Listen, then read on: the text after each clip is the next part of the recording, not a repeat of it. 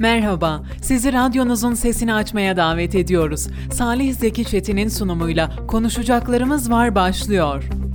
Efendim konuşacaklarımız var programından herkese mutlu akşamlar ve tabii ki mutlu haftalar diliyorum ben Salih Zeki Çetin. Bugün 7 Kasım pazartesi yeni bir haftaya daha hep birlikte başlamanın da mutluluğunu yaşıyoruz. Umarım keyifli bir hafta olur hem bizler için hem ekonomimiz için hem de hayatımız ve siyasetimiz açısından keyifli güzel bir haftayı umarım hep birlikte geçirebiliriz. Her şeyden önce sonrasında e, şey yapıyor bozuk atıyor diyeyim. Nazar'a bir hoş geldin diyelim. Nazar hoş geldin. Hoş buldum. Nasılsın? İyiyim sağ ol Salih sen nasılsın? İyiyiz biz de Nazar. E, bir hafta sonu daha geride bıraktık. E, bu hafta sonu izin yapmadık. E, pazar gününü izinli geçirmedik. Çalıştık yine sahadaydık. E, keyifli bir pazar oldu. Ankara'daydık ve Yeniden Refah Partisi'nin ikinci olağan büyük kongresini ekranlara getirmeye çalıştık. Takipçilerimizle buluşturmaya çalıştık. Hem canlı yayınımızla hem sonrasıyla hem sonrasındaki haberlerle de alanı, aksiyonu ve Yeniden Refah Partisi'nin ikinci olağan büyük kongresini e, Kayserililerle buluşturmaya gayret gösterdik. Bizim için keyifli bir yayın oldu. Gerçekten e, böyle zevk aldığımız, anlatmaktan da mutluluk duyduğumuz bir yayın olduğunu söylememiz mümkün. Dün 6 Kasım'dı. E, Türk siyaseti açısından önemli bir gündü. Bunu bir kez daha vurgulamak istiyorum. Biraz da aslında kongre hakkında konuşarak ben e, yayına başlamak istiyorum ama e, kongreden dönüş yolunda Mucur'da e, Yeniden Refah Partisi Kayseri İl Teşkilatı'na bağlı e, Özvatan İlçe Teşkilatı'nı taşıyan otobüslerden bir tanesi devrildi ve maalesef 20 kişi il teşkilatından yaralandı. 3 tanesi ağır yaralı olarak hastanelere kaldırıldı. E, yaraların durumunu çok net bir şekilde bilmemekle birlikte e, maalesef bir vatandaşımızın kolunu kaybettiğini öğrendim. E, iki tanesinde gözle alakalı sıkıntısı varmış. Ameliyat edilmişler. Geçmiş Acil olsun şifalar diliyoruz. Hayatını e, özür dilerim. Hayat, yaralanan vatandaşlara acil şifalar diliyoruz. E, Allah korudu ki bir can kaybıyla bu süreci ödemedik. Dün çok fazla e, yana yatan tırlar, otobüsler vardı. Yine biz, Bugün de bizim, vardı Salih. Evet bizim Ankara dönüşümüzde bir tır yine yan yatmıştı e, ve müdahale ediliyordu polis ekipleri, sağlık ekipleri tarafından. Yine Kayseri'de de birkaç farklı e, kaza bu şekilde dün yaşanmış oldu. Yeniden Refah Partisi Genel Merkezi'ne, Fatih Erbakan'a, İl Başkanı Sayın Önder Narin'e bir kez daha geçmiş olsun dileklerimizi iletelim. Allah tekrarını yaşatmasın ve beterinden korusun diyelim. Gerçekten e, kolay bir süreç değil, kolay bir şey değil. Ama e, umarım canlı ödemediler. Çok şükür canlı ödemediler. Umarım tekrarını hiçbir parti yaşamaz. Dün alanda bir muhteşem bir coşku vardı. Bunu rahatlıkla söyleyebiliriz. Yeniden Refah Partisi gerçekten e, kadrolarıyla birlikte çok güzel bir hazırlık yapmıştı. Güzel de bir koreografi yaptılar. Onu söyleyelim. O anı ekranlarınıza tam manasıyla getiremedik. O anda önümüzüm önümüzde kal- kaldırıldı çünkü bizim kameralarımızın çekim açısının çok dışındaydı. Ama çok güzel bir koreografi hazırlamışlardı. Yine bunun yanında salondaki coşku inanılmazdı. Şimdi Twitter'da, sosyal medyada görüyoruz Fatih Erbakan'ı özellikle gençlerin ilgisini. Ee, ama bu durum sadece sosyal medyayla sınırlı kalmamıştı. Dün alana ve salona gelen e, binlerce insanın çoğu gençti. İçerisi o e, Atatürk Spor Salonu 13 bin kişilik bir salon. Ama 13 bin kişinin tribünlerde olmasının yanı sıra e, alan yani saha dediğimiz bölümde de yine e, hınca hınç bir doluluk olduğunu söyleyebiliriz. 1200 tane delege oradaydı. 1200 delegenin dışında vatandaşlar oradaydı. Ve e, Yeniden Refah Partisi'nin lideri Fatih Erbakan salona girdikten sonra kendisine bir yol çizmişlerdi böyle yarım daire şeklinde. E, o platformun üzerinden yürüyerek vatandaşları selamladı, onlarla sohbet etti ve o şekilde e, kürsüye doğru çıktı. Fatih Erbakan salona girdiği andan itibaren salon yıkıldı. Yani öyle söyleyeyim böyle hakikaten beton titredi. Biz kendimizi duymakta zorluk çektik dün. Mustafa abiyle birlikte yayındaydık. Bunun da ötesinde içerideki kalabalık kadar dışarıda da kalabalık vardı. Yani e, Kayseri hesabı yapmadan kabaca bir tabirle 25-30 bin insanın orada olduğunu çok rahatlıkla söyleyebiliriz. Abartmadan Kayseri hesabı yapmadan söylüyorum. E, ayak değil kelle sayarak söylüyorum. 30 bin kişinin rahatlıkla orada olduğunu söyleyebiliriz. Yeniden Refah Partisi de 60-65 bin gibi bir rakam açıkladı. Hani onlar belki biraz siyaseten mübalağa yapmış olabilirler ama minimum 30-35 bin kişi yine orada vardı. Dışarıda adeta bir gövde gösterisine dönüştü bu iş ve geçtiğimiz haftalarda hem e, Cumhurbaşkanımızı karşılamada kullanılan e, karanfil de yine sahnedeydi. E, Fatih Erbakan'ın arabası Atatürk e, Ankara Arena'ya girdiği andan itibaren karanfiller üzerine atılmaya başlandı. Tıpkı Sayın Cumhurbaşkanı'na karanfil atıldığı gibi arabanın üstü karanfillerle doldu. Şöyle de güzel bir şey hazırlamışlar. Fatih Erbakan evinden çıktığı andan itibaren arabasına bağlı olan kamera e, Ankara sokaklarında gelişini vatandaşlara orada salonda bulunanlara canlı canlı aktarıldı. Fatih Erbakan'ın arabasının geçtiği sokaklar, vatandaşların yol kenarında kendisini alkışlaması ve ilgisi de yine an be an e, salona aktarıldı. Deyim yerinde ise coşku dün Türkiye'nin dört bir yanından Ankara'ya toplandı. Ankara'da aktı, sel oldu Yeniden Refah Partisi. Ben tabi e, rahmetli Erbakan Hoca'nın mitinglerini ya da onların kongrelerini hatırlamıyorum ama görenler Refah Partisi eskiye döndü diyorlar tamamı dediğim gibi birçoğu gençlik yani 25 ve 40 yaş aralığından oluşan bir e, kitle vardı, bir ilgi vardı onu söyleyebiliriz. Müthiş bir coşku vardı. Dün Halil abi de e, yayın esnasında yanımızdaydı. Mustafa abiyle de aynı şeyleri konuştuk. Teşkilat olabilmeyi başarmış, teşkilat kültürü oturmuş partilerde e, bunları görüyoruz e, teşkilatçılığın ne olduğunu bilen partiler çok hızlı şekilde reaksiyon alıp e, mitinglerde, kongrelerde, toplantılarda hakikaten böyle görsel şovları bize sunabiliyorlar. Yeniden Refah Partisi her ne kadar 4 yıllık bir parti gibi gözükse de e, Refah Partisi, Selamet Partisi o partinin köklerini oluşturuyor ve o dönemde hizmet etmiş insanlar da yine oradaydı. Yani 80'li 90'lı yaşlarda amcalarımızı da dedelerimizi de yine dün orada gördük. Belki birçoğu Necmettin Erbakan'ın yol arkadaşlığı yapmış olduğu insanlardı ve onları da orada gördük. Ee, anketlere belki çok bugüne kadar yansımadı. Belki yüzde birlerde bir buçuklarda kaldı belki yeniden Refah Partisi ama dün bizim gördüğümüz tablo ve konjüktür üzücü olayı yani kazayı bir kenara bırakacak e, görmeyecek olursak Allah şifa versin tekrar söylüyoruz. E, o olayı saymazsak gerçekten çok müthiş bir coşku vardı. E, Yeniden Refah Partisi'nin ben bir baraj sorunu olmadığını en azından dünkü tabloda onu gördüm. Hani Refah Partisi Yeniden Refah Partisi barajı geçer mi acaba diye düşünenler bence yani şahsi fikrim, şahsi kanaatim salondaki coşku eğer seçim zamanına kadar, seçim tarihine kadar e, gerçekten bir teşkilat yapısıyla çalışırsa şayet işte o zaman hakikaten Yeniden Refah Partisi için baraj sorununun olmadığını görebiliriz. Peki Salih yerelde sence ne olacak? Milletvekili e, çıkarabilecek mi?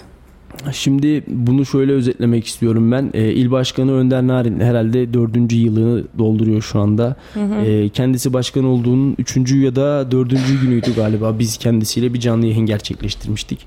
Ve hala da her gittiği yerde de söyler, yüzümüze de söyler sağ olsun. E, kendisinin ilk medya ile buluşturan kişi yine benim. E, o günden beri de sohbetimiz aynı hızla devam ediyor Önder Başkan'la. E, tabii o günden bugüne çok şey değişti. Önder Başkan'da çok şeyler değişti. Kayseri'ye kendini tanıttı. Kayseri'ye kendini sevdirdi ve kabul ettirdi. En önemlisi bu. Hı hı. Dün de tam 25 otobüsle Ankara'ya çıkartma yaptı deyim yerindeyse. Sadece Kayseri teşkilatı ve Önder Başkan şunu söyledi. Salih gelmek isteyip de gelemeyenlerimiz oldu dedi. İş için iş, işi olduğu için gelemeyenler, e, acil problemi olup gelemeyenler, otobüs sıkıntısından dolayı gelemeyenler, yer probleminden doğru gelemeyenler, e, sınırsız insan götürme hakkımız olsaydı hakikaten dedi Kayseri çok daha fazla otobüsle giderdi. Ama bir sonraki kongre göreceksin dedi. E, 35 otobüsle, 55 otobüsle, 65 otobüsle buradan gitmemiz sürpriz değil bizim dedi Ankara'ya. E, ben yerelde de başarılı olacaklarını düşünüyorum.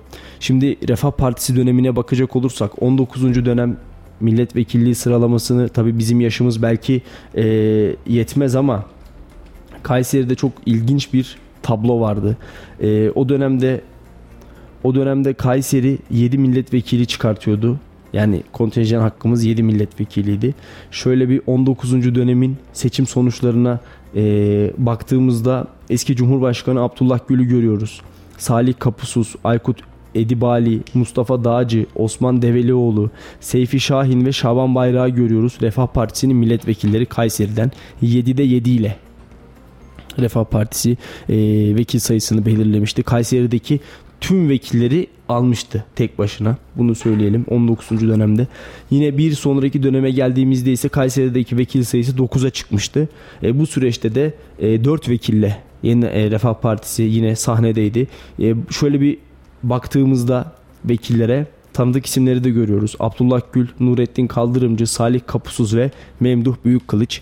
Ee, Büyükşehir Belediye Başkanımız, şu andaki Büyükşehir Belediye Başkanımız e, Memduh Bey 20. dönemde 20. hükümette Refah Partisi'nin Kayseri milletvekillerinden bir tanesiydi. Refah Partisi'nin düşünce yapısı, rahmetli Erbakan Hoca'nın düşünce yapısı, siyasi bakışı, ideolojisi aslında bu topraklara, bu şehre çok da uzak olmayan şeyler. O yüzden e, zaten Refah Partisi'nin önem verdiği şeylere baktığımızda Konya'yı, Kayseri'yi görüyoruz görüyoruz. İç Anadolu'ya ne kadar önem verildiğini görüyoruz. Ben yeniden Refah Partisi'nden de aynı etkiyi ve reaksiyonu göreceğimizi düşünüyorum. Özellikle önümüzdeki süreçte. E, Kayseri yeniden Refah Partisi için önemli bir nokta, önemli bir lokasyon. E, Konya'ya gidecek olsa Fatih Erbakan Kayseri Havalimanı'nda inip karayoluyla Konya'ya gitmeyi yine tercih ediyor. Geçtiğimiz dönemde bunu yaşamıştık. Kayseri'yi şöyle bir dolaşıyor, şöyle bir turluyor. Önder Başkan'la bir görüşüyor, öyle gidiyor. E, ben Önder Başkan'ın açıkçası başarılı çalışmalarla seçime kadar e, fark yaratabilecek bir parti olacağını düşünüyorum. Hani Yeniden Refah Partisi bugün barajı geçmesi sürpriz mi? Valla bence dün gördüğümüz tabloda çok da sürpriz sayılmaz artık. Ha belki geçen sene olsa birkaç ay önce olsa şunu söyleyebilirdik. Yani Yeniden Refah Partisi barajı geçer mi? Bak sürpriz bir parti. Ama dün gördüğümüz tablo itibariyle bazı şeylerin sürpriz olmadığını gördük. E, bunun, bunun anketlere yansıyacağını düşünüyorum ben. Peki Salih e, yerelde sahada nasıllar? Kuvvetli bir parti. Bunu söyleyebiliriz. Yani özellikle il başkanı Önder Narin hem medya ilişkilerini görüyoruz sürekli alanda, sürekli sahada ve e, bir şekilde haberleri medyanın içinde var. Yani bunu hepimiz görüyoruz. Bu gerçeği yatsıyamayız. Vatandaşla birlikte hep şunu söylüyor zaten. E, ben halktan biriyim, halkın adamıyım diyor. E, yeri gelir yer sofrasında otururum, yeri gelir esnaf lokantasında yemek yerim, çayımı çorbamı içerim diyor. Vatandaşla çok rahat sohbet edebilen bir yapısı var. Hı hı oturduğu zaman, konuştuğu zaman, insanlarla sohbet ettiği, diyalog kurduğu zaman e, gerçekten vatandaşın böyle kalbine, kanına, damarına dokunabilen cinsten bir yapısı var Önder Başkan'ın. Ben bunu e, seçime kadar da sürdürerek gerçekten önemli işlere de imza atabileceklerini düşünüyorum. Buradan Yeniden Refah Partisi vekil çıkartır mı? Bence çıkartır. Bir değil iki tane de çıkarsa sürpriz olmaz diyorum. Çünkü daha önce 7'de 7 yapmış bir partiden bahsediyoruz. Aynı partinin devamından bahsediyoruz. Kayseri'deki yaşayan vatandaşlar Refah Partisi'nin, Yeniden Refah Partisi'nin milli görüşün düşünce yapısına çok da uzak değiller aslında. E, bugün Kayseri'de 60 yaş üstünde kim varsa ya da 50 yaş üstünde kim varsa hepsi bir dönem, e, hepsi demeyeyim ama belki büyük bir çoğunluğu bir dönem e, bu partiye oy vermiş, gönül vermiş, onun ideolojisini savunmuş insanlar. Bunu da zaten 19. dönem hükümetine baktığımızda e, 7'de 7 yapmalarından anlayabiliyoruz. Kayseri'ye e, veya Türkiye'ye siyasi açıdan baktığımızda da Abdullah Gül gibi Cumhurbaşkanlığı yapmış bir ismi armağan ettiklerini görüyoruz. Memduh Büyükkılıç gibi yıllarca e, Melik Belediye Başkanlığı, Kayseri Büyükşehir Belediye Başkanlığı yapmış bir ismi armağan ettiklerini görüyoruz. Yani bugün bizim şehrimizi yöneten belediye başkanımız da aslında e, milli görüşü uzak bir isim değil. Hatta bir dönem milli görüşün tam merkezinde milletvekilliği yapmış, Ankara'ya gitmiş, şehrimizi ve partisini temsil etmiş bir insan. Ee, tekrar söylüyorum çok uzak olmaz Kayseri'den vekil ya da vekiller çıkartmaları. Ama ben daha da önemlisini söyleyeyim. Ee, benim şahsi fikrim bu tabii ki. Ee, katılan olur, katılmayan olur. Yeniden Refah Partisi için bence baraj bir sorun değil. Barajı geçmeleri bizim için bir sürpriz değil. Aksine bence dünden sonra beklenen bir tablo olacaktır diye düşünüyorum. Ama e, tabii ki siyasette 24 saat bile çok uzun. Yarın bir şey söylersiniz tüm siyasi aksiyonunuz bir anda terse döner. Şu soru var aslında bence daha da önemlisi. Hani Refah Partisi barajı geçer mi geçmez mi? Kayseri'den vekil çıkartır mı çıkartmaz mı? Bunları bunları yapılabilir. Bunlar aşılabilir. Daha da önemlisi bence yeniden Refah Partisi bir ittifakta yer alacak mı? Cumhur İttifakı'nda ya da Millet İttifakı'nda yer alacak mı?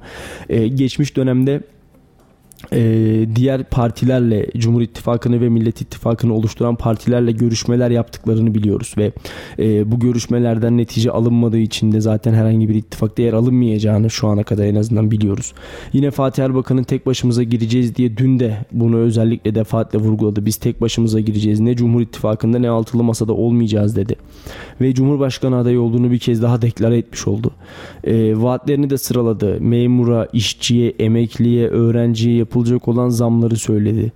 Ee, yine LGBT dernekleriyle alakalı konuştu. Bu derneklere para aktarılmayacağını hatta kapatılacağını vurguladı. Hatta 2-3 kez aynı konuyu dile getirdi.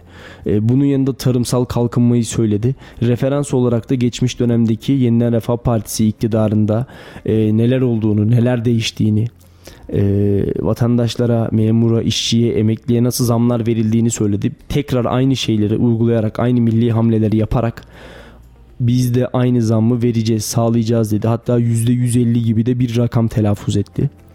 Bunun yanında da dış politikaya da değindi. Dün 2 saat gibi uzun bir süre konuştu Fatih Erbakan.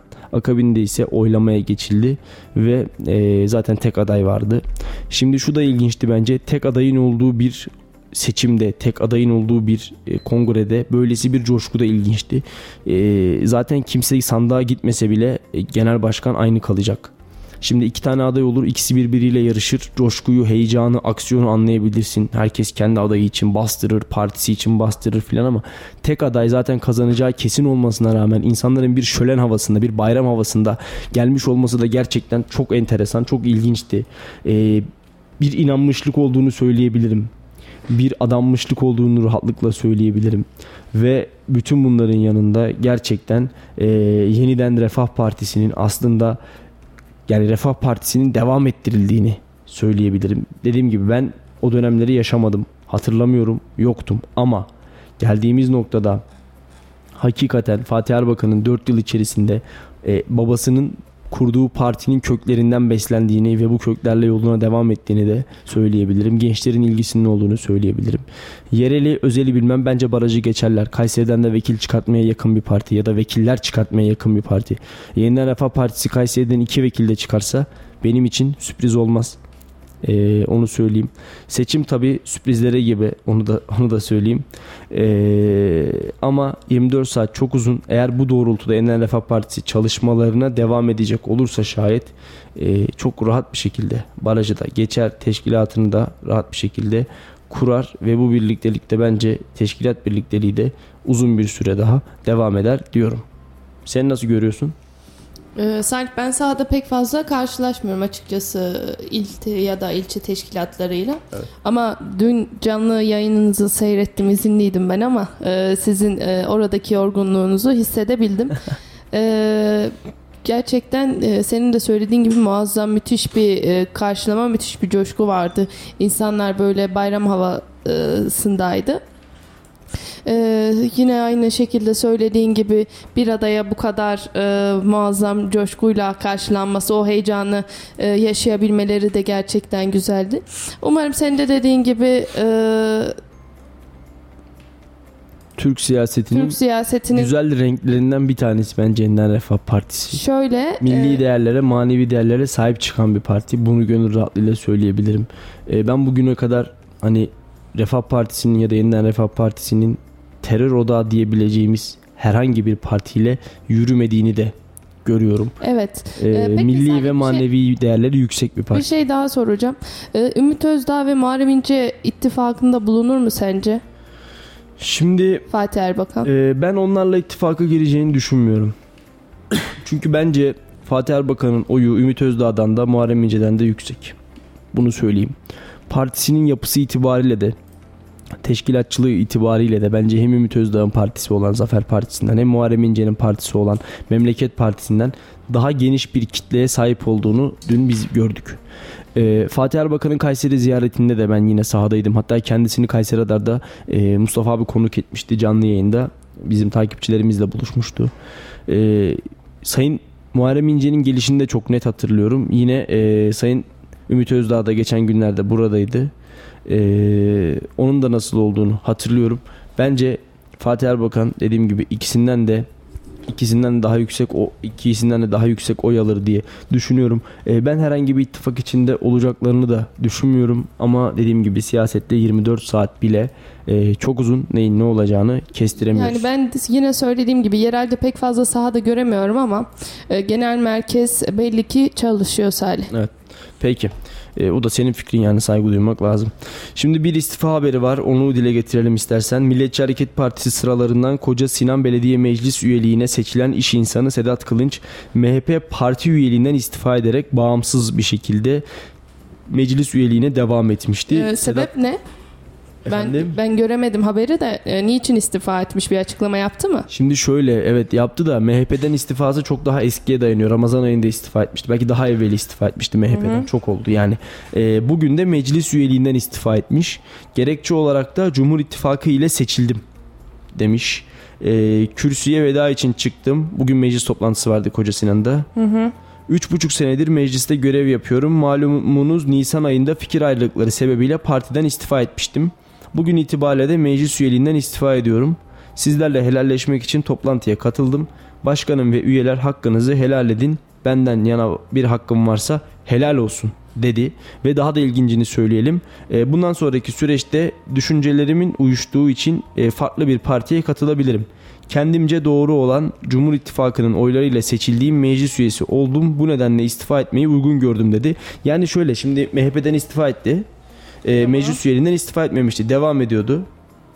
Akabinde ise Ama e, beni siz seçtiniz yani. Aynen öyle. Akabinde diye. ise ben başka bir partiye geçeceğim demiş burada Hı hı. kısaca. Başka bir partiye geçeceğim ve e, o partiye geçeceğim için de e, sonuçta meclis üyeliği devam ettiği için başka bir partiye geçse o, O pa- partinin partinin meclis, üyesi olacak. olacaktı. Ama ben Cumhur İttifakı'nın oylarıyla seçildim. Ben meclis üyeliğimden istifa ediyorum demiş.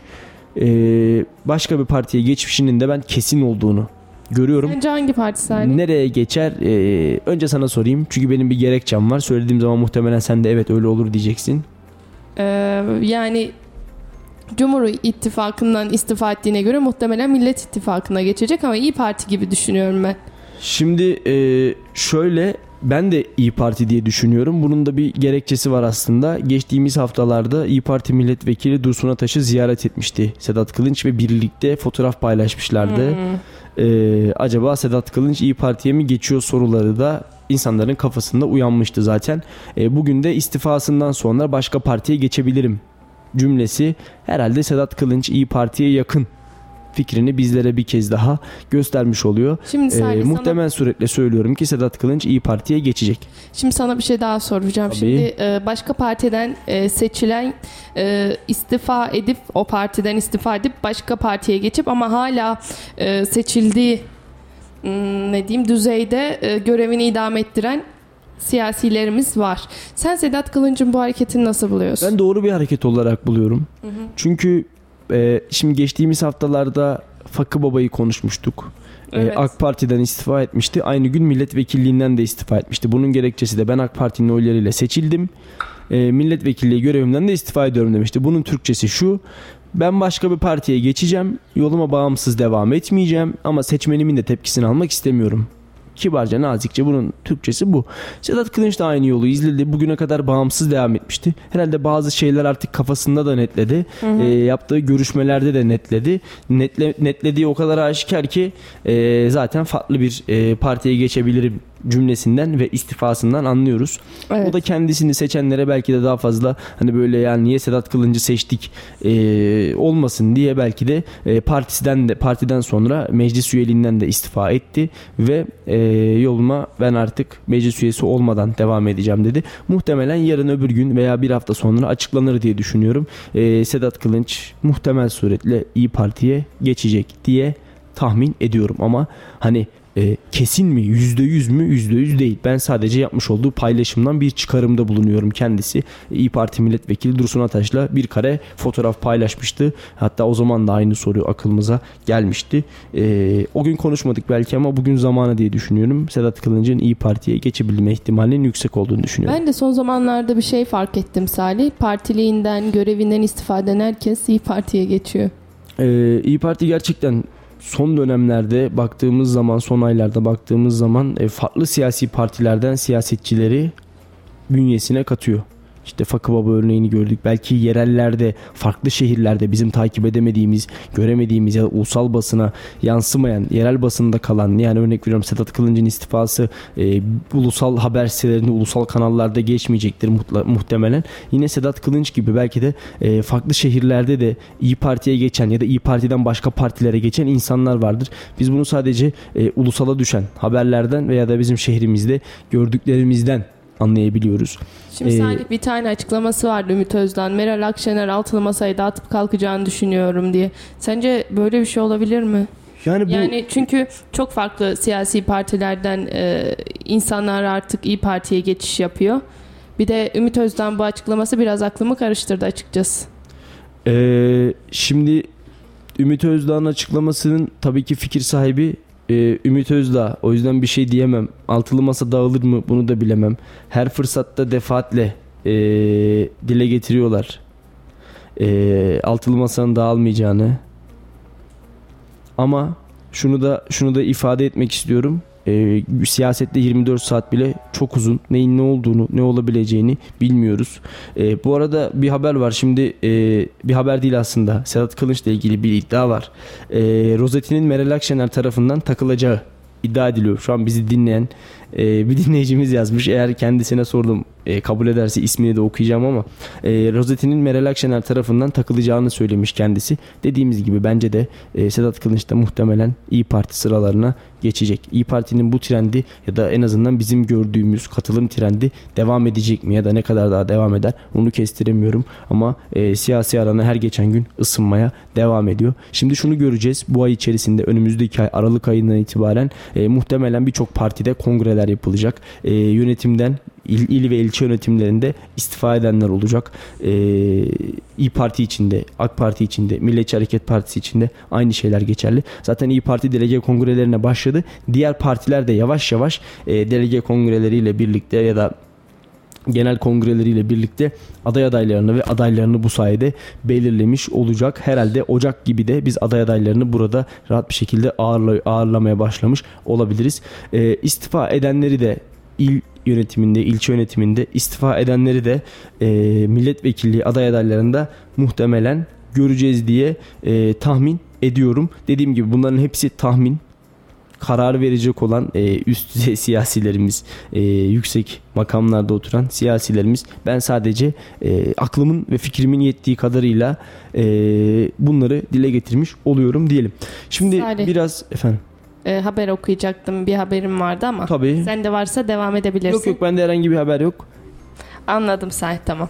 Evet. E, CHP sözcüsü Faik Öztrak asgari ücretin 7000 TL'nin üzerinde üzerine çıkarılmasını önermiş. Sen evet. ne düşünüyorsun Salih? 7000 7000 desek şu an en az yeterli mi? E, yeterli mi? Yeterli değil Nazar. Şu anda 5500 lira zaten. Hı hı. Ama e, 7000 lira da yeterli değil. Yeterli olarak görmüyorum. Çünkü bugün yoksulluk sınırına, açlık sınırına baktığımızda vatandaşlarımızın ne büyük bir süreçle nasıl büyük rakamlarla boğuştuğunu görebiliriz zaten. E, 7 bin lira yetmez ama en azından diğer kalemlere zam gelmeyecekse zam gelmemek koşuluyla diyorum. Biraz da olsa vatandaşımıza can suyu olmuş olur. Çünkü şu anda 5500 lirayla gerçekten çok zor günler geçiriyor insanlar. Ha, e, alım gücümüzün düşmesine bağlı olarak biz bu sıkıntıyı yaşıyoruz. Yani şu anda 7000 lira 7500 lira, 8000 lira bunların her biri konuşuluyor olabilir. İşte 5500 lira olmadan önce de bunlar yine konuşuluyordu, ifade ediliyordu. E, 5500 lira oldu. E, ama ben şunu çok net bir şekilde ifade edeyim. Bugünün 7000 lirası geçmiş yılların 2000, 2300, 2500 lirasından daha az alım gücüne sahip. Evet. Zaten vatandaşın da dert yandığı en önemli husus bu. Yani asgari ücret 2000 lira olsun ama ekmeği biz 1 lira yapabilelim. İşte e, mazotu biz tekrar 3 lira 5 lira yapabilelim. Tekrar arabalarımız kilometrede 30 kuruş 40 kuruş 50 kuruş yaksın. Uzun yolda 10 kuruş 15 kuruşa seyahat edelim. Otobüs biletleri 100 lira 150 lira uçak biletleri 100 lira 150 lira olsun. Ama e, biz her geçen gün alım gücünü kaybeden bir hale büründüğümüz için ve bunu sadece konuşuyor konuşmakla yetinebildiğimiz için konuşuyoruz konuşuyoruz konuşuyoruz. Ekonomi kötü ekonomi kötü ekonomi kötü. Alım gücü düşüyor düşüyor düşüyor ama bunun ötesine hiçbir şekilde maalesef e, geçemiyoruz.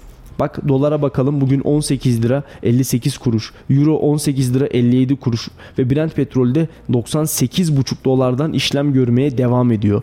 Ee, gerçekten yine Brent petrolde bir yükseliş trendi hakim. Maalesef bu da beraberinde gelecek olan zamları bize gösteriyor aslında. Ee, 100-120 dolarlardan buralara kadar düştü Brent petrol. Ama yeniden bir çıkış ivmesi kazanmış durumda. Ve doların da haline bakacak olursak, e, Euro'nun da haline bakacak olursak e, baktığımızda gerçekten e, Türk lirasının ne kadar değer kaybettiğini aslında görüyoruz. E, bu arada İyi Parti Grup Başkan Vekili Kazım Yücel de Sedat Kılınç'la tokalaşırken, helalleşirken herhalde bir fotoğrafını paylaşmış. E, durumunla onu gördük. E, herhalde dediğimiz gibi Sedat Kılınç İyi Parti'ye geçecek. Hayırlı olsun diyelim Salih ne diyelim? Hayırlı olsun diyelim şimdiden. Ama tekrar söylüyoruz tamamen kendi fikrimiz, kendi kanaatimiz. E, ee, 7 bin lira yeterli mi? Tekrar söylüyorum yeterli değil ama en azından diğer ürünlere yani şu an mevcuda zam gelmemek koşuluyla bir nebze de olsa vatandaşımıza e, can suyu olabilecek ölçüde bir rakam. Gönül ister ki çok daha yüksek olsun ekonomi böyle kalsın. E, çok daha yüksek olsun rakamlar. Yani ekmek 4 lira olacaksa asgari ücrette 15 bin lira olsun o zaman. İşte otobüs bileti 500 lira olacaksa asgari ücrette 14 bin lira 15 bin lira olsun Şimdi o zaman ekmek ki. deyince Salih e- Ekmek Üreticileri Sendikası Başkanı İstanbul'da ekmek fiyatının 7,5 TL ola- olabileceğini açıklamış. Yani Bir düşünsene ekmek bir ekmek 7,5 7,5 lira. Günde 5 ekmek yersen 50 lira. Aylık 1500 lira. E nasıl ödeyecek bu adam? 7000 lira maaş alsa ne olur ki? Bir ekmek nasıl 7,5 lira olabilir? Evet. yani 7,5 lira bir ekmek. Ekmeği alırsın. Tekrar söyleyelim. İçine koyacak peyniri, zeytini daha farklı malzemeleri alamazsın. İşte geçtiğimiz günlerde hepimizin içini burkan, yüreğini parçalayan bir videoyu sosyal medyada gördük. Ee, bir çocuk beslenme çantasını öğretmenine gösteriyor. Sadece zeytin var içinde. Niye yemiyorsun diyor. Bir sokum ekmeğin içine 3-4 tane zeytin koymuş annesi. Öğretmenim evde peynir yok. Sadece zeytin var. Annem sadece zeytin koyuyor ama ben zeytin yemek istemiyorum. Ben zeytin sevmiyorum diye serzenişte bulunuyor küçük çocuk. Yani ufacık bir çocuk beslenme saatinde böyle bir serzenişte bulunuyorsa bence ülkeyi yönetenler de, ülkede muhalefet yapanlar da, ülkede iktidar olanlar da şöyle bir oturup ellerini başının arasına alıp şapkalarını önüne alıp bir düşünmeleri gerekiyor ki biz nerede hata yapıyoruz. Küçücük bir çocuğun böyle düşünmesine sebep olabiliyorsanız ve bundan sonraki dönemde de o çocuk büyüdüğünde de işte bizim çocukluğumuzda bir sokum ekmekle 5 tane zeytin vardı diye bu çocuk eğer geçmiş dönemde gelecek dönemde geçmişi anlatacaksa burada hepimizin ortak bir problemi, ortak bir kaygısı olmalı. İşte birileri her sabah kahvaltısında portakal suyu içerken, her öğle yemeğinde kuzu tandır, akşam yemeklerinde kavurmaları yerken orada birkaç tane çocuğumuz e, beslenme saatinde her sınıftan birkaç tane çocuğumuz beslenme saatinde eğer gözyaşları içerisinde kalıyorsa ve bu çaresizliği bu çocuklar yaşıyorsa bu problem toplumun ortak problemidir. Bu sorun toplumun ortak sorunudur ve kanayan yarasıdır. E, bunu sadece bir kesim ya da birkaç kesimin e, üzülmesi, hayıflanması, ağlaması yetmez. Buna hep birlikte bir çözüm aramalıyız. E, ve bu çözümü de işte ülkeyi yöneten iktidar, ülkede muhalefet yapan siyasiler hep birlikte sizin bizim demeden sizin göreviniz bizim görevimiz demeden bir şekilde karar verilmesi ve el atılması gerekiyor diye düşünüyorum. Çünkü bu çocuklar hepimizin çocukları ve gelecekte e, biz geçmişimizde biz çocukken bir sokum ekmek 3 tane zeytinle okulda beslenme yapardık lafını gerçekten hiçbir çocuk hak etmiyor. Hiçbir çocuk böyle bir şey söylemeyi hak etmiyor. Ee, o çocuğun açlığı hepimizin açlığıdır. Nasıl buyuruyor Hazreti Peygamber? Komşusu açken karnı tok yatan bizden değildir diyor. Günümüze bakıyorsun. Bu video sosyal medyaya düşüp yüz binlerce kez belki de milyonlarca kez izleniyor. Ama bizler ne yapıyoruz? Seyirci olarak kalmayı tercih ediyoruz. Elimize çekirdeği alıp ekran başında izlemekle yetiniyoruz. Belki biz vatandaşız. Evet ülke ekonomisine katkımız belki e, siyasiler kadar olamaz. Ama eminim o videoyu bu ülkeyi yönetenler ya da yönetenlerin danışmanları da izliyordur. Ya da onların il başkanları, ilçe başkanları, milletvekilleri de izliyordur. Eğer bir soruna parmak basılacaksa, bir soruna çözüm aranacaksa bu önce kendi gençliğimiz, kendi çocuklarımız, kendi vatandaşlarımız olmalı. Ailelerimiz, annelerimiz, babalarımız çocuklarımızın ekmeğinin arasına koyacak bir dilim peyniri bulamazken ya da o çocuk beslenme çantasına koyacak bir tane yumurtayı bulamazken sabah kahvaltısında portakal suyu içenler bence bunun hesabını veremeyecekler. Sen en son ne zaman kıyafet aldın? 2-3 hafta oluyor. Ne, nasıl buluyorsun fiyatları? Ben dün şok oldum. Yani bir sivit nasıl 700 lira olabilir? Şimdi e, o konuya gelmeden önce sen nasıl görüyorsun asgari ücretin 7000 lira olmasını? Bir de senden dinleyelim. Saniye asgari bir sivit 700 liraysa asgari ücret kesinlikle 7000 lira olmamalı. Şimdi şöyle düşün. Ee, bir kış boyunca kaç tane sivit alabiliyorsun kendine? Bir tane. Hadi bilemeden iki tane. Şu an iki tane ama kaç tane alman gerekiyor? Yani bu kişiden kişiye geri de- değişir ama e, bir sivit 750 lira 700 lira 750 lira 800 lira bandıysa hadi diyelim ki 500 lira bandında olsun. E, 7000 lira asgari ücret yetecek mi? Ya 7000 lira asgari ücreti geçtim kıyafeti işte giyimi kuşamı geçtim 7000 lira asgari ücretle insanlar yemek yiyebilecek mi karnını doyurabilecek mi? Şimdi Şimdi biz diyor biz mesela ben isterdim ki 7000 lira asgari ücretle insanlar araç arabil, alabilecek mi? İşte otomobil al- alabilecek mi? Ya da yatırım yapabilecek mi? Kendilerine bir ev alabilecek mi? Konuşalım. Ama şimdi diyoruz ki 7000 lira asgari ücretle insanlar karnını doyurabilecek mi? İşte biz artık asgari ücretle bir şeyler alma devrini kapattık. Dükkan kapalı. Kepenkler indi şu anda. Öyle kimse 7 bin lira kazanıp da ev alayım, araba alayım mın hayalini bence kurmasın ki kuran yoktur diye düşünüyorum. E, sen de kurma diye söylüyorum. Ben kuram şimdi Salih ben ev geçindirmiyorum ya da kendi evde yediğimiz gıdaları ben karşılamıyorum, ben almıyorum, ailemle yaşıyorum. Ee, kendi aldığım e, maaşımla sadece kendimi geçindiriyorum ama bir noktada ben de kalıyorum Salih. Ev geçindirmediğim halde böyle oluyorum. Şimdi e, şöyle söyleyeyim Nazar ben sana. E, en son ne zaman kıyafet alışverişi yaptın dedin. Ben kıyafet alışverişini geçen hafta ya da ondan önceki hafta yaptım ama o kıyafet alışverişini yapabilmek için herhalde bir 4-5 kez gitmem gerekti. Gezmek için. Önce gittim fiyatları gördüm şok oldum. Bir, bir, bir buçuk ay kadar önce. Oo bu ne kadar paraymış ya filan dedim. Bir iki hafta sonra tekrar gittim. Ya bunlar ne kadar paralarmış böyle yine tekrar aynı şeyi söyledim. Fiyatlara alışmam iki haftamı aldı. Sonraki gittiğimde biraz şöyle araştırma yaptım. Sonra gittim aldım. Ama şunu ifade etmek istiyorum.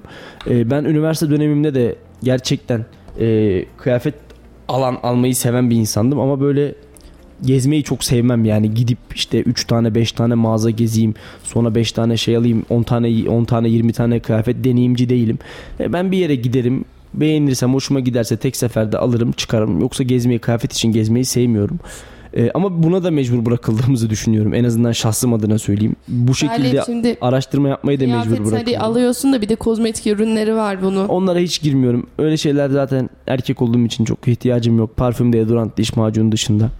Ee, ama şunu da şunu bir da fondöten ne kadar biliyor musun? valla bilmiyorum, bilmek de istemiyorum. 360 lira. İnanırım yani doğrudur, olabilir. Artık Babam şey- dedi ki yazık değil mi kızım dedi. Doğru söylüyor. Doğru doğru söylüyor. Doğru söylüyor. Hani artık buna e, şaşırılacak bir tarafta görmüyorum. Onu da söyleyeyim. Şimdi 70 e, liraydı. bak şuraya geleceğim. Eskiden dediğim gibi gezmeyi sevmiyordum.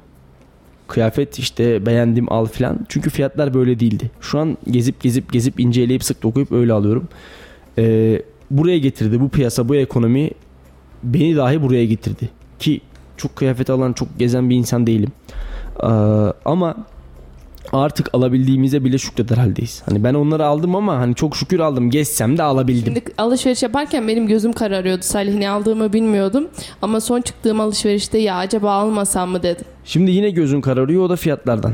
Aynen. Yani bakıyorsun o bundan Seçemiyor ne kadar. gözüm Salih ya bu bu kadar olabilir mi? Aynen. Yanlış mı görüyorum İşte yok, acaba? ola- olabiliyor. Yani artık o devir geride kaldı. Hani bu da bu kadar olur mu'nun devri bence artık çok geride Bir de kaldı. kıyafet konusunda böyle uygun mağazalarımız var. Yani çok marka mağazalarımızın dışında böyle zincir olan böyle Artık- ma- mavi renkli bir mağazalarımız var. Artık o mavi renkli mağazalarda da her şey çok pahalı. Bir pantolon 400 lira. Bir Şimdi oraya kazak gittim dün 300 yani hani dedim ki burada bu kadar saniye orada biraz uygundur.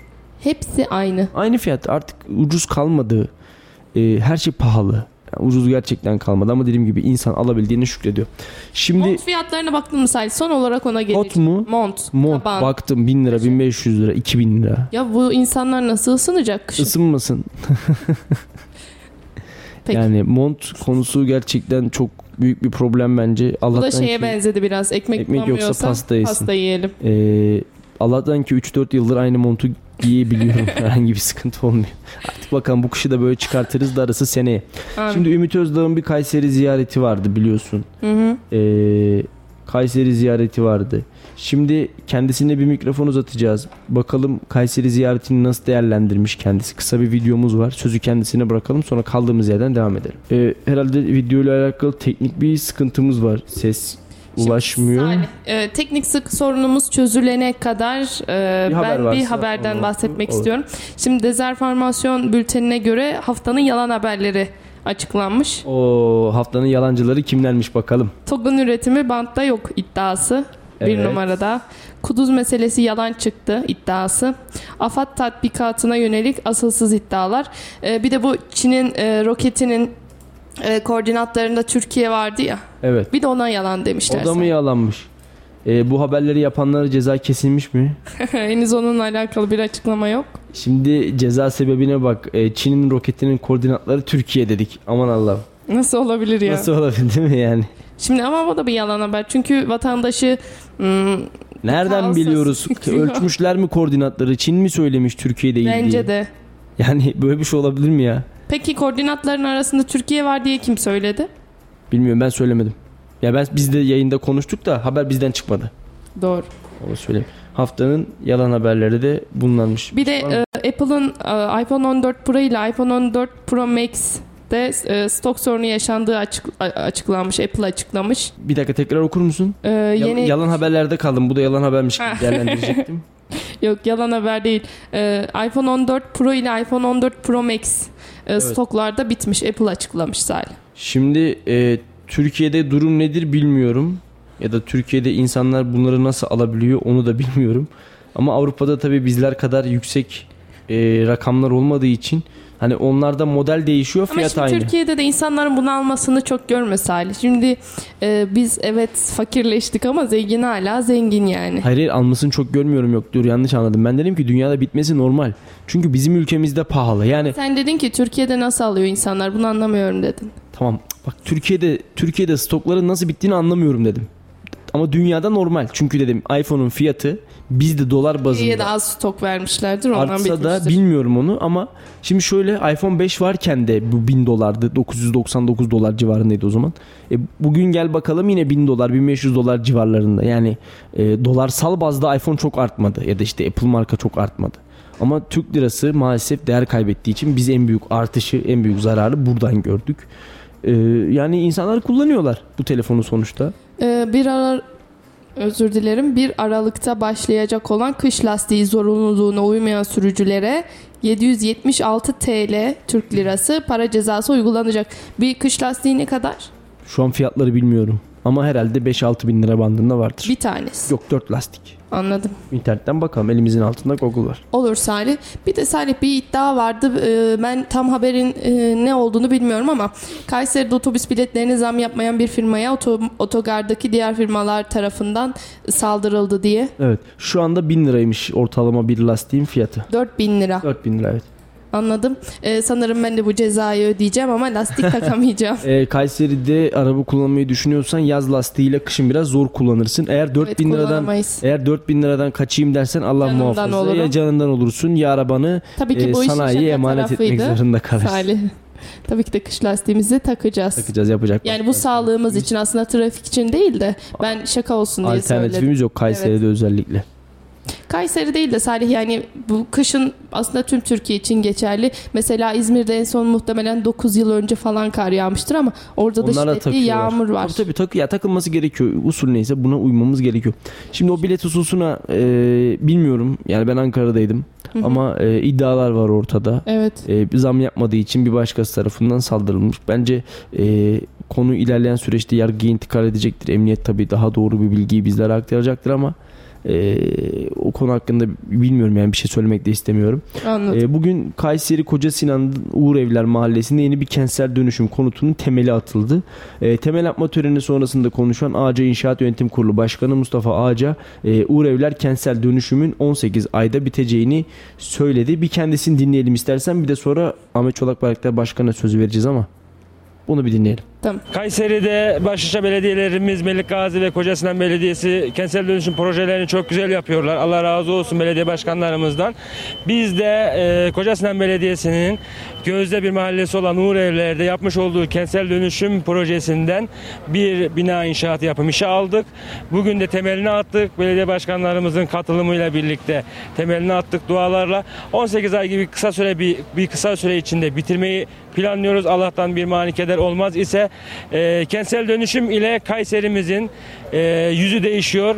Eski binalar, e, oturulmaya elverişi olmayan binaların yıkımı, gece konuların yıkımı, yeni binaların insanların daha e, üst seviyede bir hayat sürmeleri için yeni yuvaların kurulmasını sağlıyor.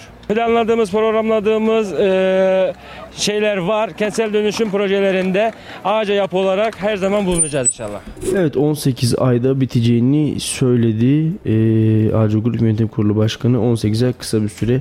E, kentsel dönüşümü ben önemsiyorum. Ben de Kayseri'nin önemsiyorum Salih. Kayseri'nin çehresini değiştireceğini düşünüyorum. Kayseri'nin çevresini geçtim. Şimdi kentsel dönüşüme girmeyen alanlar böyle metruk bir yapıda oluyor Kesinlikle. genelde ama şimdi o mahallede o evin etrafında yaşayan mahalle halkı işte komşular vesaire e, şey diye şikayetleri alıyoruz. Yani çocuklarımızı artık dışarı gönderemiyoruz. Sokakta oyun oynatamıyoruz. Çünkü o mesruk binada işte zehir tacirleri ya da farklı farklı e, kötü niyetli insanlar bulunuyor. E, bence de e, şey olmasa bile kentsel dönüşüm olmasa bile o metruk yapıların e, tamamen artık yıkılmasını yok edilmesini e, istiyorum. Bu taraftayım yani. Evet. Kentsel dönüşüm olması da daha güzel. Ee, orada bir alan, e, bir metruk yapı yıkılıyor ve yerine yeni ev ya da yeni bir yapı yapılıyor. Tabii ki de bu mahalle halkı için çok çok çok önemli. E, Çünkü düşünsene sen de çocuk yetiştiriyorsun. Senin de bir bebeğin var Evet. ve e, evinin etrafında böyle bir metruk yapı var. Yani içerisinde kötü niyetli insanların olduğu. Kimse Ee, istemez böyle bir şey. Sen nasıl çocuğunu dışarı göndereceksin ki oyun oynasın diye? Aynen yani öyle. nasıl gözün arkada kalmadan? Ya ben kendi çocukluğuma dönüyorum. Ee, benim çocukluğum da hep böyle arkadaşlarımla oyun oynamakla geçti. Ee, ve mesela işte onların evin önünde oynardık, bizim evin önünde oynardık ya da bir başka arkadaşımın evinin önünde oynardık. bizim ailelerimizin gözü hiç arkada kalmazdı Salih. Çünkü o zaman dönem bu kadar kötü değildi. Evet. Şimdi e, nasıl göndereceksin çocuğunu e, bir başkasının evinde evinin önünde oynamaya? Kesinlikle çok haklısın. Kentsel dönüşüm sadece Kayseri'de değil, Türkiye'de de bence çok önemli. Evet. Depreme karşı daha dayanıklı binaların yapılması için kentsel dönüşüm şart. Kayseri'de Evet. de bu yapılıyor. Sahabiye'de e, büyük bir projemiz var. Yine şehrimizin farklı noktalarında yapılıyor. Hem belediyelerimiz hem büyük şehrimiz hem de Çevre Şehircilik Bakanlığımız bununla alakalı çalışmalarını yapıyor zaten. Şimdi sözü önce Büyükşehir Belediye Başkanımız Memduh Büyükkılıç'a sonra da Koca Sinan Belediye Başkanımız Ahmet Çolak Bayraktar'a bırakalım. Uğur Evler kentsel dönüşümü hakkında bakalım vatandaşlara bizlere neler söyleyecekler. Biz tabii ki sizlerin de takip ettiği gibi her bölgede gelişiyor, güzelleşiyor. Kendini yeniliyor, anlayışını yeniliyor. Beklentilere cevap verme yönünde değerli başkanlarımız özen gösteriyor. Koca Sinan'ımızda da çok değerli başkanımız Ahmet Bey ve kıymetli ekibi gece demeden gündüz demeden her bölgede harıl harıl çalışmak suretiyle şehrimizin bu güzelliğine katkı sağlama bağlamında gayretler gösteriyorlar.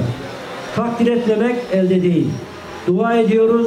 Daha fazlasını da inşallah yapması için gayretlerini Mevlamızın Mevle'ye, meyveye dönüştürmesini temenni ediyoruz. Elbette Koca Sinan'ımız şehrimizin ikinci büyük ilçesi. Şehrimizin yarısı. Ahmet Bey'e sorarsan girişler çıkışlar. Koca Sinan'dan arazi olarak da hakikaten en büyük bölge. O açıdan bu özelliklerinden dolayı da şehrimizin birinci büyük ilçesi sayılabilir. Bizler de büyük şehir olarak dayanışma içerisinde bu çalışmalara her türlü desteği veriyoruz. Bu konuda hiçbir zaman hayır mantığıyla değil, hep birlikte nasıl yaparız mantığı içerisinde özen gösteriyoruz. Malumunuz Kayseri Büyükşehir Belediyesi olarak yatırımlar bağlamında 30 büyük şehir içerisinde yüzde 60'a varan yatırım oranıyla en çok yatırım yapan büyük şehir olarak kamuoyunda paylaşılmış ve yapılan çalışmalarda değerlendirilmiş durumda. Tek çiçekle bahar gelmez, tek taş duvar olmaz. Bizim anlayışımız bu. 16 ilçe belediye başkanı kardeşimizi bağrıma basarak bir abi kardeş anlayış içerisinde, dayanışma içerisinde, taşrasıyla, merkeziyle şehrimizin tamamını kucaklayan yaklaşımla çalışmalarımızı sürdürüyoruz. Çok şükür iyi bir noktadayız. Yeter mi? Yetmez. Daha fazlasını bu şehir hak ediyor mu? Hak ediyor. İnşallah onu da yapma yönünde irade göstereceğiz. Ulaşımdaki yaptığımız yatırımlarla, tarım ve hayvancılıkta yaptığımız yatırımlarımızla, park bahçeler konusunda yaptığımız yatırımlarımızla, üstümüze vazife olmadığı halde gerek ilçelerimiz gerek büyük şehrimiz, camilerimizde, okullarımızla, sosyal tesislerimizde, kamu yatırımlarıyla yaptığımız yatırımlarla adeta Kayseri kendisinden özenle, güvenle söz ettirecek bir anlayış içerisinde çalışmalar sürdürüyor.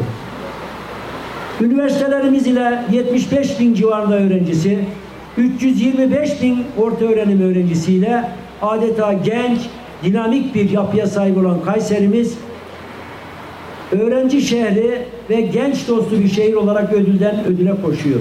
Koca Sinan'ımızın 10 değişik bölgesinde kentsel dönüşüm çalışmaları olağanca hızıyla devam ediyor. Bir yandan konutlar yapılıyor, bir yandan sosyal tesisler, bir yandan okullar, camiler, değişik alanlarda Koca Sinan Belediyesi olarak vatandaşlarımızın ihtiyaçlarını teker teker yerine getirmeye çalışıyoruz. Uğur Evler Mahallesi'nde de hemen şu yan tarafta gördüğünüz benim son tarafım, sizlerin sağ tarafındaki Ümit Beker Okulu da yine kentsel dönüşüm projesi kapsamı içerisinde inşaatını belediyemiz tarafından tamamlanmış ve şimdi de çocuklarımızın eğitim görmüş olduğu tesislerimizden bir tanesi. Uğur Evler bölgesinde burada en önemli ihtiyaçlardan bir tanesi okuldu. Kentsel dönüşüm çalışmasına başlar başlamaz öncelikle okulun mülkiyetinin çözümlenmesi ve arkasından da okul inşaatının yapılabilmesi için çalışmalarımızı başlatmıştık. Şükür Allah'a pandemi döneminde Covid-19 salgının olduğu dönem içerisinde hem arsa tamamlandı, çözümlendi hem de inşaat tamamlandı. Okul şu anda çocuklarımıza eğitim, öğretim verir bir vaziyete gelmiş durumda. Biz de etaplar halinde öncelik sıralamasına göre bütün kentsel dönüşüm alanları içerisinde bu ihtiyaçları teker teker yerine getiriyoruz. Evet sadece Uğur Evler Mahallesi'nde değil, bütün kentsel dönüşüm çalışmalarımız içerisinde her bir mahallede sadece konutların yıkılıp yapıldığı, eski gece konutlarının imarsız yapıların yıkılıp yapıldığı, binaların oluşturulduğu bir kentsel dönüşüm mantığıyla çalışmıyoruz. Bizim yapmış olduğumuz yerlerde bir sosyal dönüşüm yapıyoruz. Binaların yerine yeni binalar yapılıyor, sosyal donatılar yapılıyor, okulları, parkları, çevre düzenlemesi yapılıyor ve çocuklarımızın yaşayabileceği, gençlerin, kadınların, yetişkinlerin yaşayabileceği yeni yaşam alanları inşa ediyoruz. Ve bununla birlikte şehrimizin, koca sınırımızın çehresini değiştiriyoruz. Göreve geldiğimizde bir slogan ortaya koymuştuk. Yeni Kayseri Koca Sinan'da kurulacak, Koca Sinan Kayseri'nin yeni yüzü olacak diye. Ve bu kentsel dönüşüm çalışmalarımız da yeni bir şehir inşa etme çabasının gayretinin bir parçası. Ve bize en çok sorulan işlerden bir tanesi. Argıncık kentsel dönüşümü. Argıncık'ta ne zaman bir kentsel dönüşüm olacak? Argıncık'ta ne zaman çalışmalar başlayacak? Evet, İlk başladığımız kentsel dönüşüm çalışmalarının bir tanesi Yunus Emre'ydi. Gazi Osman Mahallesi, Yavuzlar, Yunus Emre. Yunus Emre kentsel dönüşüm. Sadece vatandaş anlaşmaları için üç buçuk yıl uğraştık. Vatandaşları ikna edebilmek için üç buçuk yıl uğraştık. Arkasından inşaatların yapılması, ihale süreçlerinde bir o kadar zamanımızı almıştı. Ayrıca kentsel dönüşüm için de yoğun bir şekilde uğraşıyoruz. Beş yıldır belki orada tabir caizse denemediğimiz formül kalmadı her bir bölge için acaba nasıl bir kentsel dönüşüm çalışmasıyla Argıncı'yı değiştiririz, dönüştürürüz diye yoğun bir şekilde çalışıyoruz. Ama hiçbir kentsel dönüşüm formülünün tutmadığı, hiçbir kentsel dönüşüm formülünün uygulamadığı, uygulanamadığı zor bir bölge Argıncık. Ama tabii ki biz vazgeçtik mi? Vazgeçmedik. Gene de Argıncık'taki kentsel dönüşümü kentsel dönüşümü devam ettireceğiz. Ve şimdi Argınca kendi şirketimizde, imar şirketimizde bir fiil, bir müteahhit gibi, bir yatırımcı gibi girip orada blok blok ada bazlı çalışmalarla Argıncı yenilenmesi için Argıncık'taki değişim dönüşüm için de başladık. İlk anlaşmamızı yaptık. Allah nasip ederse çarşamba günde orada ilk anlaşmamızın olduğu yere temel atmaya başlıyoruz. Arkasından ikinci ve üçüncü etaplar da geliyor. Oralarda da sonuca yaklaştık. Çok az bir süre kaldı. İnşallah bu yıl içerisinde onları da tamamlayacağız. Oralarda da inşaata başlayacağız.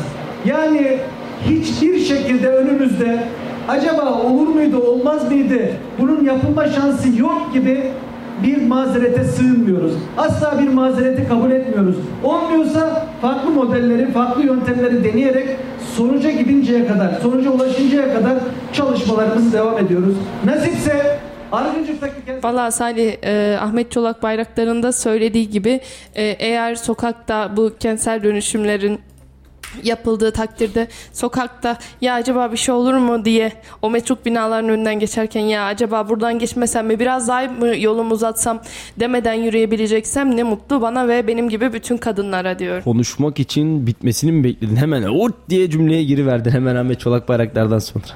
Seni mi bekleseydin? Evet beni bekleyecektin pardon, ama. Pardon Sait çok özür Neyse, dilerim. Neyse güzel konuştun tebrik ediyorum. Şimdi şöyle e, kentsel dönüşümün latife yapmadım gerçekten güzel konuştuğu için söyledim. E, kentsel dönüşümün önemini her fırsatta söylüyoruz zaten.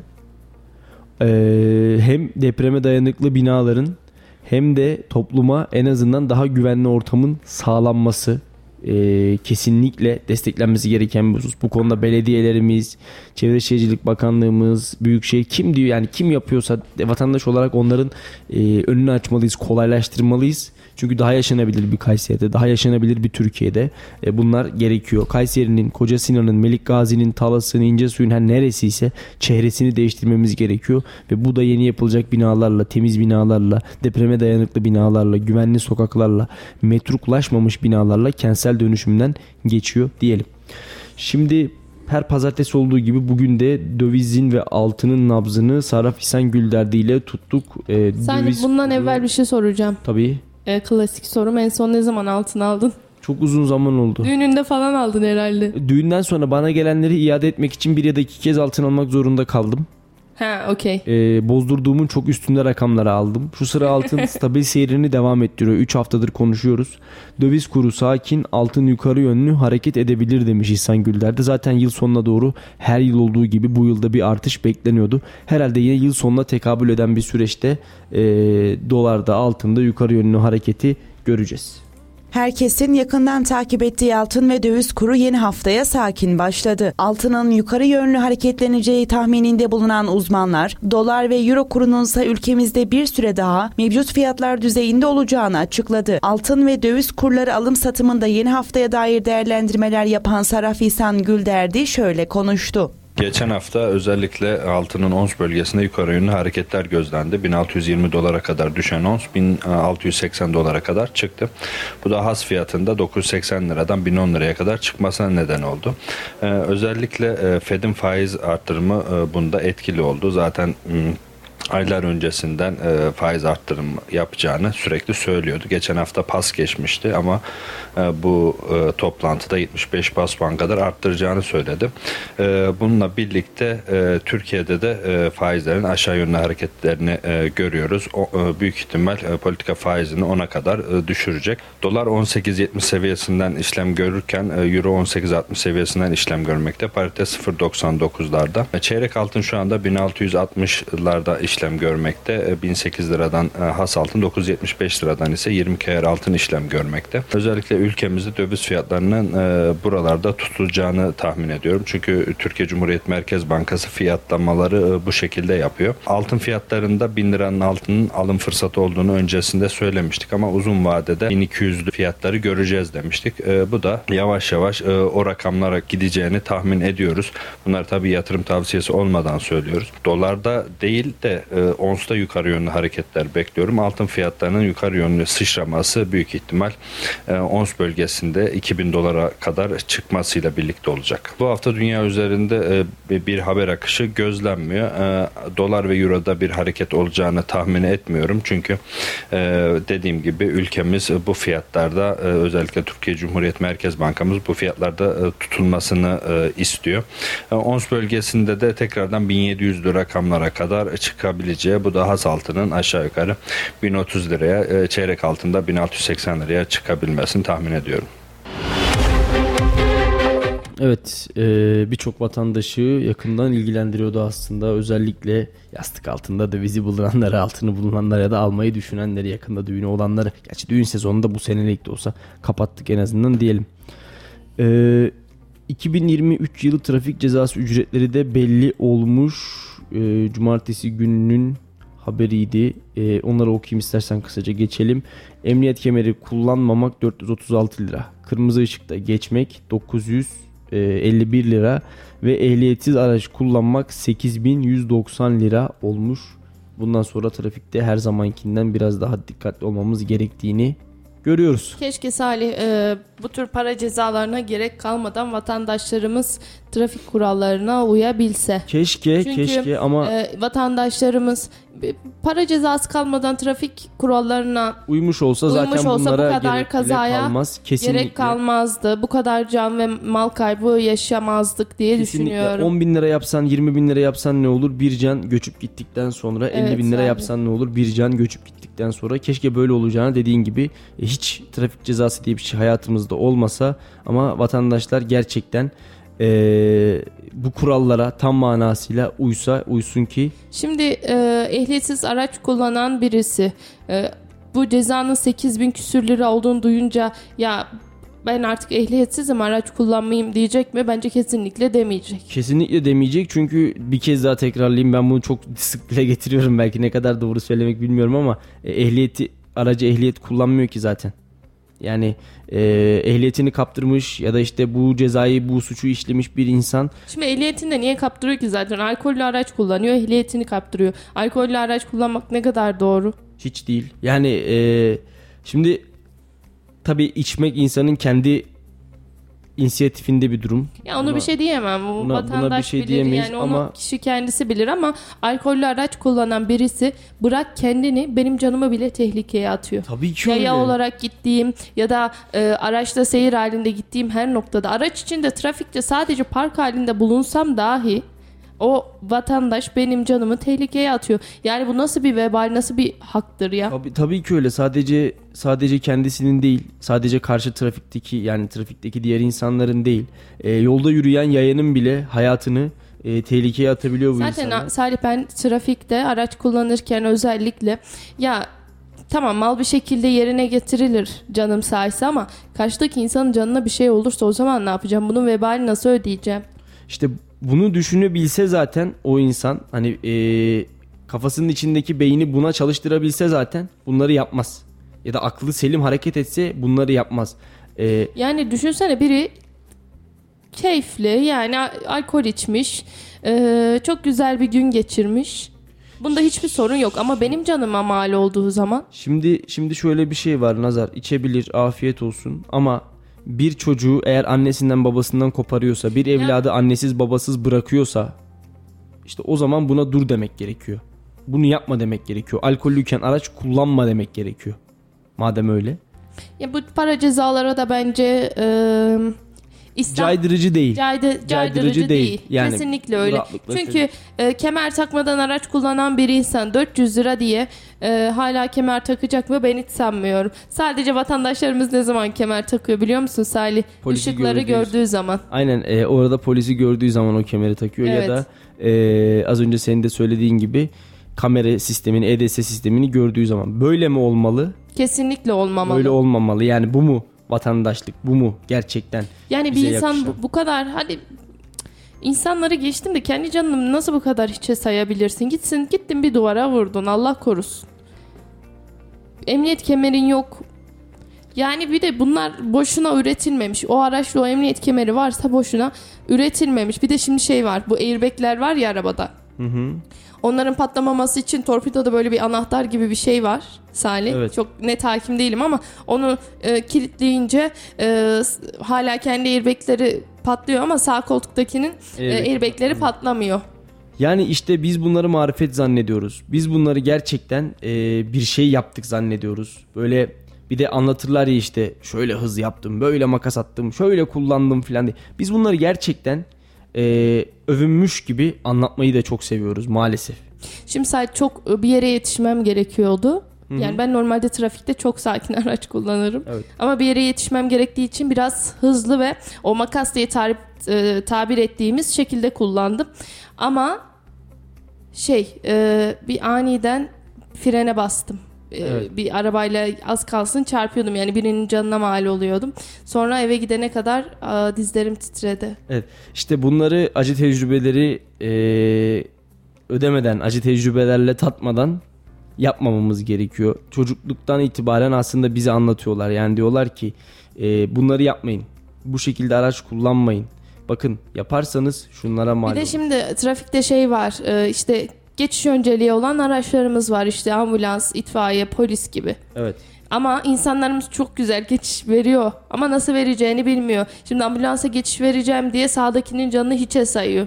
Ambulans yetişsin ama sağdaki araç sürücüsünün hiçbir önemi yok. Evet. Şimdi insanlarımız gerçekten e, trafik kurallarını da bilmiyor. Mesela levhaların ne anlama geldiğini birçoğu bilmiyor. Evet. Ee, işte dediğim gibi küçük yaşlardan itibaren trafik eğitimini alıyoruz, ders olarak görüyoruz, e, ehliyet kursunda ders olarak görüyoruz ama demek ki yeterli gelmiyor, demek ki daha fazlası gerekiyor bize. Şimdi e, Kayseri Spor'la devam etmek istiyorum. Şehrimizin temsilcisi dün Gaziantep deplasmanından 2-1'lik galibiyetle ayrıldı ve göğsümüzü kabartmaya devam etti. Şu anda 5. E, sıraya oturmuş durumdayız ve e, bugün Laf Sokak'ta ekibi olarak biz de Kayseri Spor Süper Lig'de ilk sıraya yerleşir mi diye sorduk. Bakalım Kayseri halkı takımımızın gidişatı hakkında neler söyleyecek. Mükemmel bir kadroya sahip. İnşallah başkanımız Berna Hanım bu kadroyu bozmaz. En azından bir konfederasyon kupası yahut UEFA kupasında top koşturması Kayseri halkına bir teşekkür olacaktır. Seyirci desteğini akarasını aldıkları sürece bu takım kolay kolay hiçbir takıma yenilmez. Kayseri Spor 23 puanla Süper Lig'de 5. sırada yer alıyor. 13 maçın 7'sini kazandı, 4'ünü kaybetti, ikisinde de berabere kaldı. Bu sezon sizce Kayseri Spor nasıl bir performans sergiliyor? Bu sene dereceye girer gibime geliyor. Şehrimizin takımının başarısını dilerim. Kayseri Spor şimdilik e, Çağdaş Hoca ile çok güzel gidiyor. Yani öncelikle kimse hocayı beğenmiyordu. Bu hoca başarısı şöyle böyle bunu yapamaz şunu yapamaz diyorlardı ama hoca Allah'a çok şükür andına akıyla her maçta 3 puan en kötü maçta bir beraberliğe gene razı oluyorduk. En basitten e, hangi maçtı söyleyeyim Adana Demir maçı 2-0'dan 2-2'ye getirdi. Yani son anda yaptığı hamleler çok güzel yerinde yaptı yani. Gerçekten de hocaya tatil. Birincisi hocanın tatili, ikincisi de futbolcular gerekeni yapıyorlar. Biraz da seyirci desteğini akarasını aldıkları sürece bu takım kolay kolay hiçbir takıma yenilmez. Ha bir de şöyle bir sıkıntımız var. İnşallah kalktım kalk, kalktım bilmiyorum onu ama transfer yasağımız var. Bunda Benna Hanım kulüp başkanımız Allah razı olsun elinden geldiği kadar mücadele ediyor. Transfer yasağının kalkması için bir şey yapmaya çalışıyor ama biraz bu e, başkanlık olacak bir şey değil. Biraz da şehrin önden gelen büyük abiyle iş adamlarına Benna Hanım'a yardımcı olursa çok memnun kalırım. Bu sezon Kayseri Spor çok güzel top oynuyor. Topçuların e, genel koordinatör, koordinatör olarak baktığımızda mükemmel bir kadroya sahip. İnşallah başkanımız Berna Hanım bu kadroyu bozmaz. İnşallah umarım Süper Lig'de birinci sırayı alıp şampiyon oluruz. En büyük Kayseri Spor. Ya bu sezon Kayseri Spor gerçekten e, nazar değmesin gayet iyi futbol oynuyor. Yani bir de elimizde kısıtlı imkanlarla transfer yasağı olmasına rağmen Kayseri Spor bu sene gayet başarılı. İnşallah bu şekilde devam eder. Peki birinci sıraya yerleşir mi bu sezon? Umudumuz o ama biraz zor gibi. Çünkü İstanbul takımlarda özellikle iki tanesi isim vermeyeyim. Şimdi onlar bayağı başarılı. Umudumuz ilk üçe girmesi. Takip ediyorum. Maçlarına da gidiyorum. Dün de Gaziantep'e gittik deplasmana. Ee, Çağdaş hocamla beraber galibiyetler alıp yükselmeye devam edeceğiz inşallah. Perşembe günü Sivas Belediyespor'la maçımız var yine akşam 9'da. Bütün taraftarlarımıza da buradan sesleneyim gelsinler. Ee, onu da yeneriz inşallah. Ee, Ziraat kupasını tekrardan oynarız inşallah. Beklentimiz bu. Bu sefer de kupayı alırız bu sene. Yani Kayseri Spor hakkında güzel şeyler düşünüyorum. Kayseri Spor e, oynadığı maçlarda yani yaptıkları koordinasyon olsun, teknik direktörler olsun, futbolcular olsun çok tebrik ediyorum. Maçlarına gidiyoruz zaten Kayseri Spor'un. Yani tüm destekliyoruz. Kayseri Spor yani dünkü oynadığı maçta çok güzel bir galibiyet alarak puan kattı kendisine. Yani böyle devam ederse inşallah Avrupa Ligi'ne falan çıkacağını düşünüyorum. Bu yıl birinci sıraya yerleşir mi sizce? Yani zor ama doğruyu söylemek gerekirse inşallah yerleşir yani. Kayseri Spor halkın takımıdır. Hani bu sebeple özellikle son zamanlardaki az çok takip ediyoruz. Ve inanıyorum ki Kayseri Spor bu sene en azından Avrupa kupalarına gidebilecek bir seviyeye gelecek. Umarım şampiyonluk olur. Umarım daha büyük şeyler olur ama bu sene bir Avrupa Avrupa'da en azından bir konfederasyon kupası yahut UEFA kupasında top koşturması Kayseri halkına bir teşekkür olacaktır. Buna inanıyoruz. Teşekkür ediyoruz. Evet şehrimizin temsilcisi Kayseri Spor'u konuştuğumuz zaman herhalde bu sezon böyle gururlanmıyoruz desek yalan söylemiş oluruz. Gerçekten ortaya koyduğu performansla her birimizin yüreğinde ayrı ayrı böyle kabarmaya sebebiyet veriyor Kayseri Spor ve elde ettiği sonuçlarla da her geçen gün başarı grafiğinin üzerine bir yenisini ekliyor. Ben dün konuyla ilgili bir tweet attım ama bugün de söylemeden birkaç cümle söylemeden geçmek istemiyorum. E, emeği geçen başta başkanımız Berna Gözbaşı'na, Sonra teknik direktörümüz Çağdaş Atan'a ve yürekli futbolcularımıza teşekkür ediyorum ayrı ayrı. Tabii ki bir teşekkürü de belki teşekkürlerin en büyüğünü de e, içerisi dışarısı Kayserisi deplasmanı demeden bu takımı yalnız bırakmayan Kayseri Spor'un itici gücü kapalı kaleye e, bir teşekkürü de onlara etmek istiyorum. Takımı hiç yalnız bırakmadılar sezon başından bu yana. Deplasmanda olsun Kadir Has'ta olsun Gerçekten müthiş destek verdiler. Hatta öyle ki deplasmanları iç sahaya çevirdiler. Kadiras'a çevirdiler. E, ve gerçekten dün de 1500 kişiyle Antep'e çıkartma yaptılar. E, gerçekten bu şehir kenetlendiği zaman neler olabileceğini hep birlikte bir kez daha gördük. E, Kayseri Spor sezon başında belki işte küme mi düşer acaba'yı konuşurken ya da Kayseri Spor e, bu sezon nerede e, ligi bitirir diye düşünürken transfer tahtası açılmamış transfer yasağımız varken hatta bir hoca gelip ismini telaffuz etmek istemiyorum işte bu takımda bütçe yok deyip geri gittikten sonra bizim hayallerimiz bütçelerden büyük diyen Çağdaş Hoca'ya inanıp güvenerek hakikaten çok büyük bir e, mesafe kat ettik. Şu an Süper Lig'de orta sıralardayız. 5. sıradayız hatta. E, geçtiğimiz hafta e, Adana Demirspor'dan bir hafta önce içeride oynadığımız e, özür dilerim e, Gaziantep maçından önce içeride oynadığımız Adana Demirspor mücadelesinde 90 artı 5'te Carlos Mane o şutu kaçırmasa ve 2-0'dan 3-2'ye maçı getirmiş olsak bir de iç sahada katledildiğimiz Trabzonspor maçı olmasa bugün lider Fenerbahçe ile ya aynı puanda ya o Fenerbahçe'den e, bir birkaç puan önde önde olacaktık. Kayseri Spor gerçekten oynadığı futbolla taraflı tarafsız bu sezon herkesin yüreğini kabartmayı başardı. Pa, e, hafta içi 10 Kasım'da e, Sivas Belediye Spor'la Türkiye Kupası mücadelesine çıkacağız. Pazar günü ise milli maç arasından hemen önce ligin bu sene başarılı ekiplerinden Konya Spor'la sahamızda oynayacağız. Ama inanıyorum ki Kayseri Spor yeniden o yüreğini ortaya koyacak. Çağdaş Hoca olsun, futbolcularımız olsun gerçekten büyük bir özveri örneğini bir kez daha gösterecek ve Kayseri Spor 3 puanla sağdan ayrılan ekip olacak diye umut ediyorum. Tabi daha maç gününe çok var. Yine konuşuruz Kayseri Spor maçını ama e, bugüne kadar gerçekten büyük bir karakter olduğunu bizlere gösteren Çağdaş Hoca'ya, başkana, taraftara, yönetime, futbolcusuna her birine ben ayrı ayrı teşekkür etmek istiyorum. Kayseri Spor'a da bundan sonraki süreçte bir kez daha başarılar diliyorum. Senin var mı ekleyeceğin, söyleyeceğin? Salih yine söylüyorum. Ben futboldan pek anlamıyorum ama gerçekten geçtiğimiz dönemlere, geçtiğimiz sezonlara göre Kayseri Spor bu sezon bu dönem e, çok çok çok başarılı. E, ben başarıların devamını diliyorum. Tebrik ediyorum.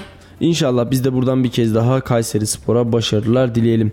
Ve efendim bir programımızın daha sonuna geldik. Haftanın ilk yayınıydı. Ee, bizi dinleyen destek veren tüm dinleyicilerimize ve yayın partnerim Nazar'a teşekkür ediyorum. Yarın aynı saatte yeniden karşınızda oluncaya dek hoş kalın. Hoşçakalın. Salih Zeki Çetin'in sunumuyla konuşacaklarımız var sona erdi.